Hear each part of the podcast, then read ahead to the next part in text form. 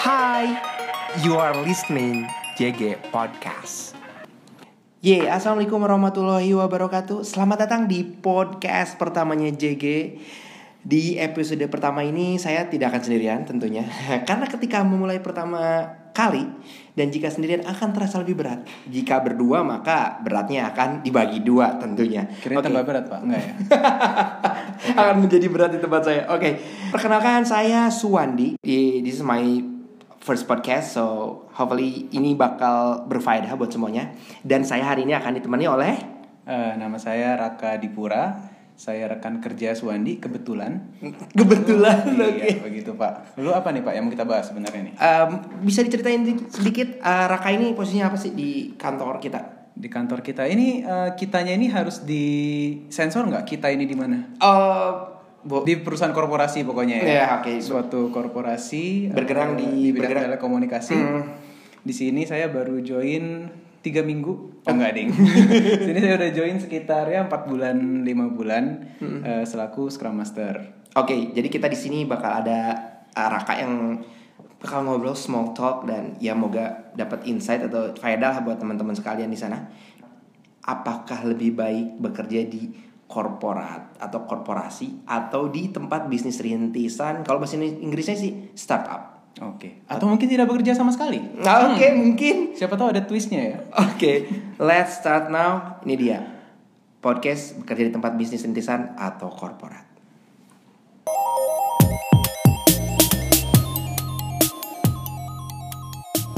Sebelum kita share apakah bekerja enak di startup atau di korporasi, mendingan kita share dulu apa sih startup itu. Backgroundnya adalah Raka pernah kerja di startup Betul. dan pernah di korporasi juga ya. Betul.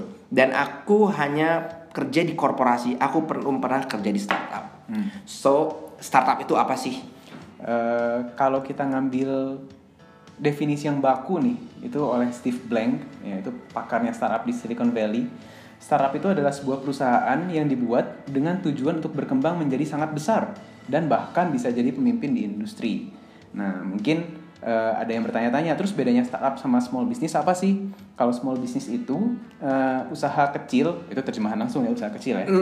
small business. Oh, iya, iya. usaha yang profitable dengan skala dengan skala kecil dan tujuannya itu nggak untuk jadi dominan apalagi untuk menyaingi perusahaan besar ya mungkin cukup untuk makan sehari-hari aja lah gitu. Jadi orang kalau misalnya mau usaha keripik doang, Ya. itu tuh bukan startup.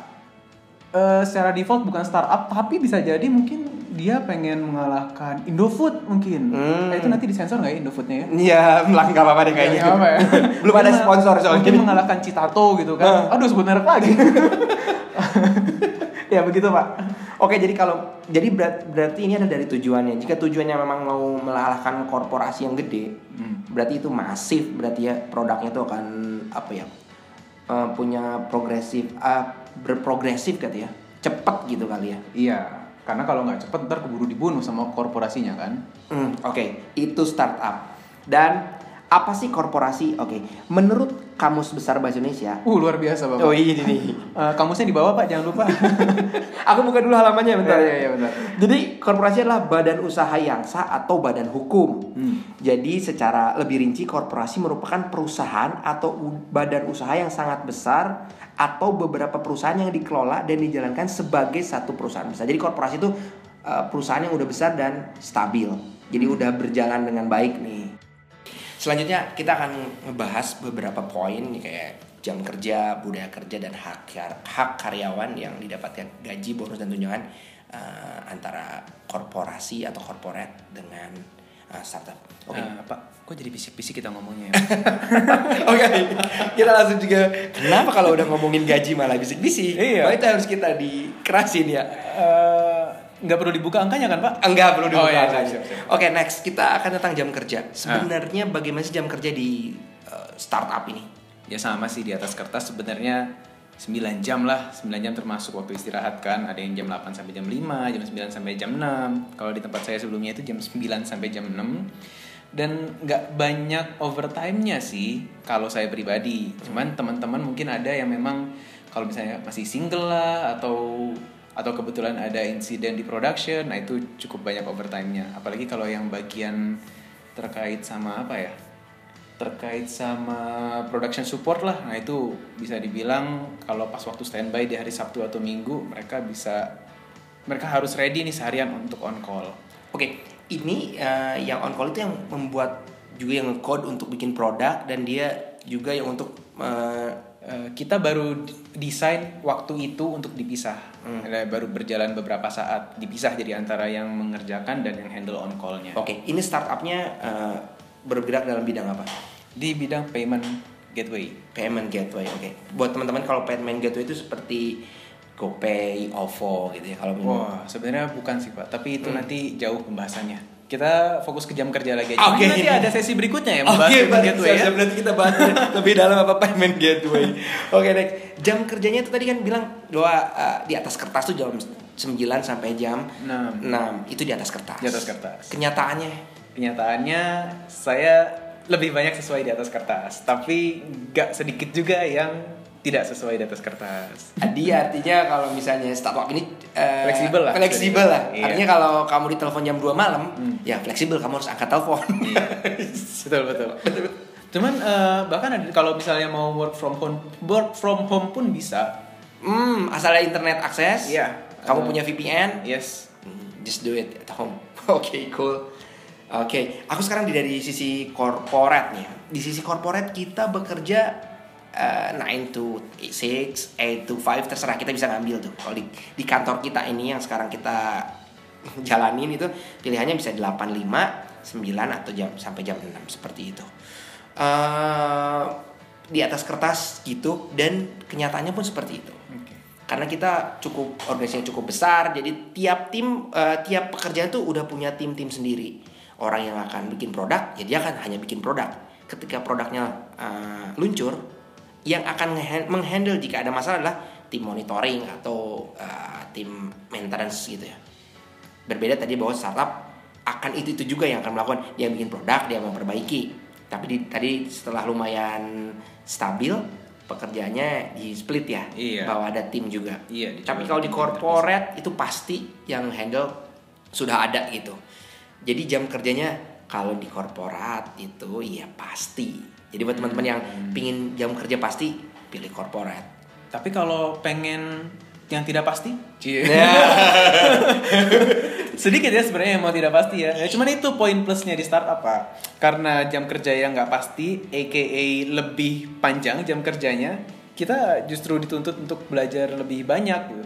Kalau misalnya secara scope pekerjaan harusnya cuma handle B, C, D, bisa jadi karena keterbatasan kita harus ngerti dari A sampai Z. Nah itu budaya kerja yang memang bakal berbeda dari eh, dari startup dan korporat ya. Hmm. Korporat punya kesempatan untuk belajar banyak ya. Startup pak. Oh sorry startup sorry startup Iya. punya kesempatan untuk belajar banyak. Ini kalau misalnya di compare sama corporate ya mungkin, Hmm. mungkin loh ya. Oke karena di korporat ini adalah di korporasi kalau kita bekerja di korporasi si- orang yang mengerjakan A marketing gitu misalnya contohnya marketing tuh dia hanya akan melakukan pekerjaan marketing. Hmm. Pas dia develop produk ada tim lain yang untuk mendevelop produk misalnya Eh, berbeda dengan startup Eh, dia marketing bisa develop produk bisa jadi project manajernya juga Betul. dia bisa jadi Palu gada pokoknya pak. kalau startup Iya palu gada. jadi budaya kerjanya tuh cukup jadi kalau teman-teman memang sukanya belajar belajar belajar startup udah Betul. bener nggak sih Apalagi kalau misalnya nih baru lulus, terus belum punya keluarga, belum punya pacar, masih sendirian, sebatang kara. Wah. wah cocok Cocok sepertinya itu jalan hidupnya itu. dan untuk para yang fresh graduate nih dia belum tahu sih pe- dunia pekerjaan tuh seperti apa dunia bekerja tuh seperti apa dia nggak tahu sukanya apa startup mungkin jawabannya karena dia dalam satu waktu dia bisa belajar banyak Hmm. juga dia bisa memilih nih mana sih yang serak di hati Oh iya benar-benar karena dia tahu dari A sampai Z tadi dia jadi punya view lebih luas. Nah, saya mau pilih yang mana ya? Saya mau ngedalamin bagian mana? Benar. Hmm, that's why anak-anak di startup itu biasanya muda-muda, mungkin fresh graduate sampai sekitar umur 25 atau 27 Ya ya. kurang lebih kayak kita sih. Kita tua ya. Enggak, enggak apa-apa aja saya. saya menolak tua, Pak. Oke, budaya kerja seperti itu. Jadi kalau misalnya kita bekerja di korporat, ya udah kita akan mengerjakan hal itu aja yang kemungkinan uh, untuk mengerjakan hal lainnya itu kecil. Hmm. Untuk belajar hal lain itu kecil. Jadi masukan aku dari aku sih, ketika muda masuklah ke startup, belajar banyak dari situ. Setelah matang, barulah pindah ke corporate yang kamu tahu kamu tuh Passionnya di mana? base-nya di mana. mendalami di bagian mana? Betul, bagusnya di mana. Nah, selain itu di corporate up juga sih gajinya pasti. Gajinya pasti. Ini maksudnya gimana nih Ya, gajinya? iya kalau gaji kamu segitu ya udah segitu. Jadi kalau dari awal gajinya sudah besar pasti besar. Iya pasti besar. Kemungkinan naiknya kecil. Kita hanya mengikuti eh, inflasi lah. Kenaikan gajinya per tahun itu 5 sampai 10 persen. Kalau 10 persen itu udah keren banget. Mau Biasanya di 5 persen. Ikuti inflasi negara kita seperti apa.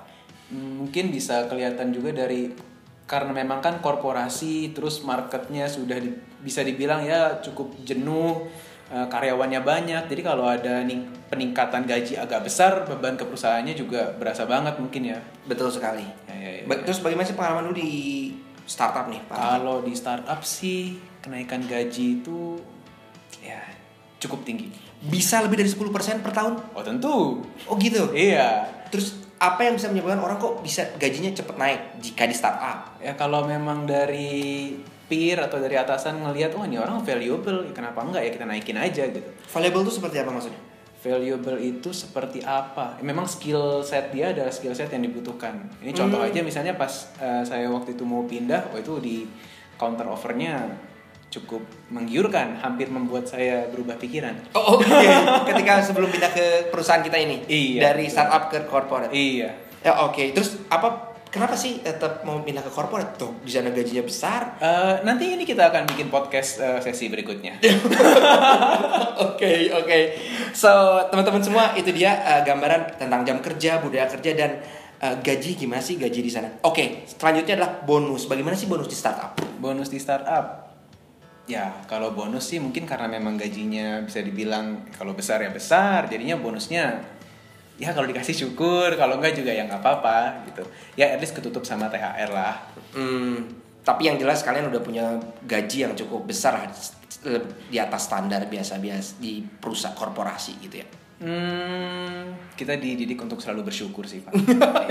Dikasih gaji gede ya syukur, dikasih bonus ya syukur juga ya. Iya, kalau dikasih rendah ya, ya.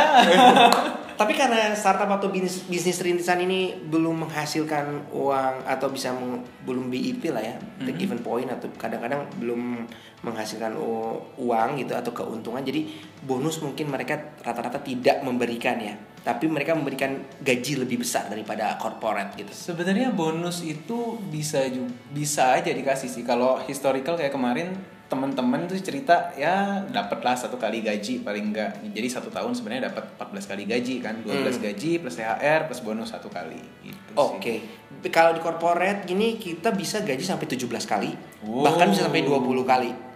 Wow. Tapi itu gaji pokok. Gaji pokok. Uh, uh, makanya di corporate biasanya ada dua gaji, gaji pokok plus tunjangan. Hmm. Gaji pokoknya biasanya ya lumayan lah, eh, ada yang 50-50, yang 60-40, ada yang 70-30. Ketika ada bonus, Gaji pokok. gaji pokok lah, tunjangan enggak gitu. Oke. Jadi 20 kali gaji pokok tapi gitu. Ya kenaikan gaji tidak tapi bonus tuh eh, kemungkinan pasti. Karena kita bener tadi dibilang bahwa pasarnya kita udah pasti ya walaupun jenuh tapi pasarnya udah pasti. Mhm. udah ada pasarnya. BEP udah misalnya. Udah, tinggal udah untung untung untung, ya. aja seperti itu. So yang terakhir lah bagaimana tunjangan? Kesehatan kah atau bagaimana sih di startup?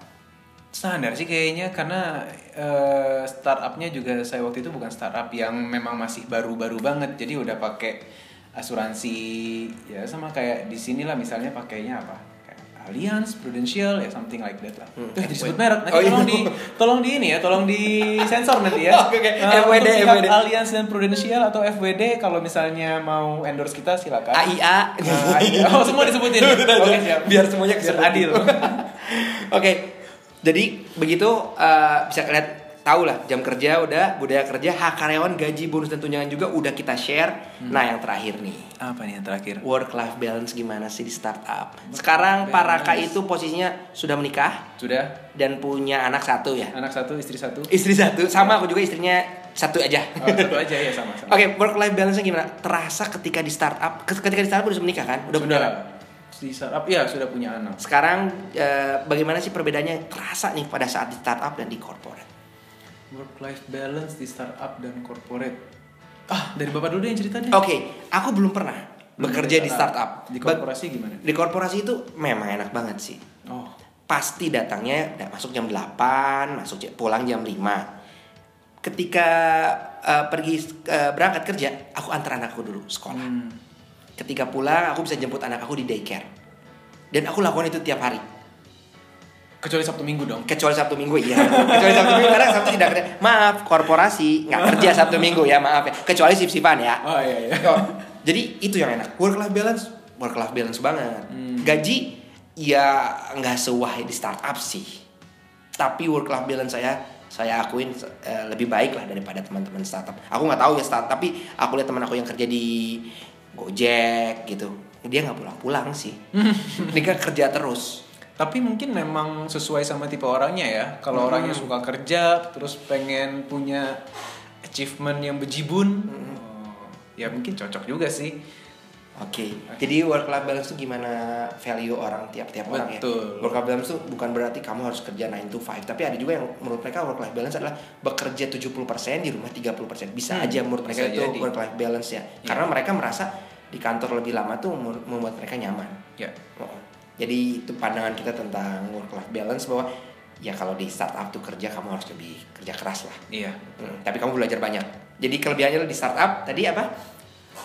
Di startup kita dituntut untuk mengerti lebih banyak daripada apa ya daripada mungkin job desk awalnya itu tadi yang saya bilang BCD tapi ternyata seiring dengan berjalannya waktu harus ngerti mulai dari A sampai Z ya tapi ya itu dibilang percepatan lah percepatan kita untuk belajar mungkin kalau misalnya di corporate untuk bisa belajar segitu banyak butuh waktu lima tahun di startup dalam satu tahun dua tahun udah bisa belajar banyak itu Oke, cukup. Terima kasih Pak Raka sudah menemani kita hari ini. terima kasih Bapak Suwandi sudah mengundang saya saya tunggu sesi berikutnya semoga semoga bermanfaat, Dok.